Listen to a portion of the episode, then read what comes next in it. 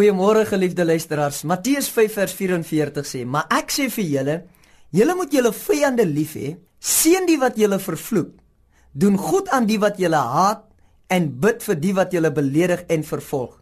Ja, jy het reg gehoor. Seën die wat jou vervloek, doen goed aan die wat julle haat en bid vir die wat julle beledig en vervolg. Nooit nie. Waar kan ek dit doen? Dis onmoontlik sê jy. Hoe kan God dit van my verwag? Na alles wat ek deurgemaak het. Hoe kan ek hom of haar seën? Nooit nie. Na dit alles wat hy of sy aan my gedoen het, dink 'n bietjie aan die vernedering, die minagting, die skande. Nee, hy verdien die hel. Hy verdien pyn en smart. Ja, so kan jy aangaan. Weet jy, dis heeltemal menslik om so te dink. As iemand aan jou goed gedoen het, dan doen jy aan hom goed.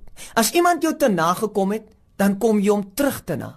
Dis menslik. Maar weet jy, dis boos en dis dis satanies om wanneer iemand goed aan jou gedoen het, dan steek jy hom in die rug. Dis heeltemal satanies. Maar ek wil jou na 'n hoër vlak vat, die vlak van God. Hoe God opereer. Hy sê as iemand aan jou sleg doen, dan doen jy goed. As iemand jou haat, dan het jy hom lief. Dis hoe God opereer op 'n baie hoër vlak. Hy het sy vyande lief en seën die wat hom vervloek. Dit kan nie wees nie. Dis waar. Dis hoe God is. Weereens, God sal nie van my iets verwag wat hy nie self doen nie. En hy kan in sy opdragte gesien word. As hy vir my sê ek moet my vyande lief hê, ek moet seën die wat my vervloek, dan kan hy dit ten minste doen of selfs beter. Wil jy vir my sê dat God my gaan seën as hy kom vloek? Ja, hy sal. As hy vir my sê ek moet dit doen, dan sal hy dit doen. Jou goeie of jou slegte dade kom uit dieselfde vlees.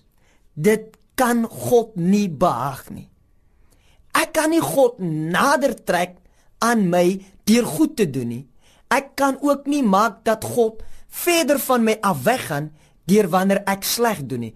God beweeg in my lewe op grond van sy genade. Sy liefde, nie my goeie werke of nie my slegte werke nie. Hy kies uit liefde om in my lewe te werk. Kyk na die kruis. Nadat Jesus wreed gemartel was en kaal uitgetrek was aan die kruis, bid hy dat God sy vyande moet vergewe want hulle weet nie wat hulle doen nie. Ons is almal een dat God hulle eintlik moes gestraf het. Maar nee. Jesus bid vir genade. Hy sê Here gee vir hulle iets wat hulle nie verdien nie. Vergewe hulle vir sy vyande. Hy dink nie aan homself nie. Die pyn, die ongemak, die smart en die skande wat hy moes verduur. Nee. Hy dink nie daaraan nie. Hy dink aan sy vyande. So anders.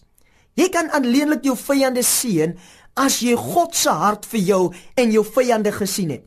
Jy kan net sien as jy weet dat toe jy God se vyand was, toe seën hy jou. Toe versoen hy hom met jou. Hy gee jou die beste, sy enigste toe jy dit nie verdien het nie. Kolossense 1:21 sê: "Ook julle wat vroeër vervreemd was en vyandig gesind deur die bose werke, het hy nou versoen."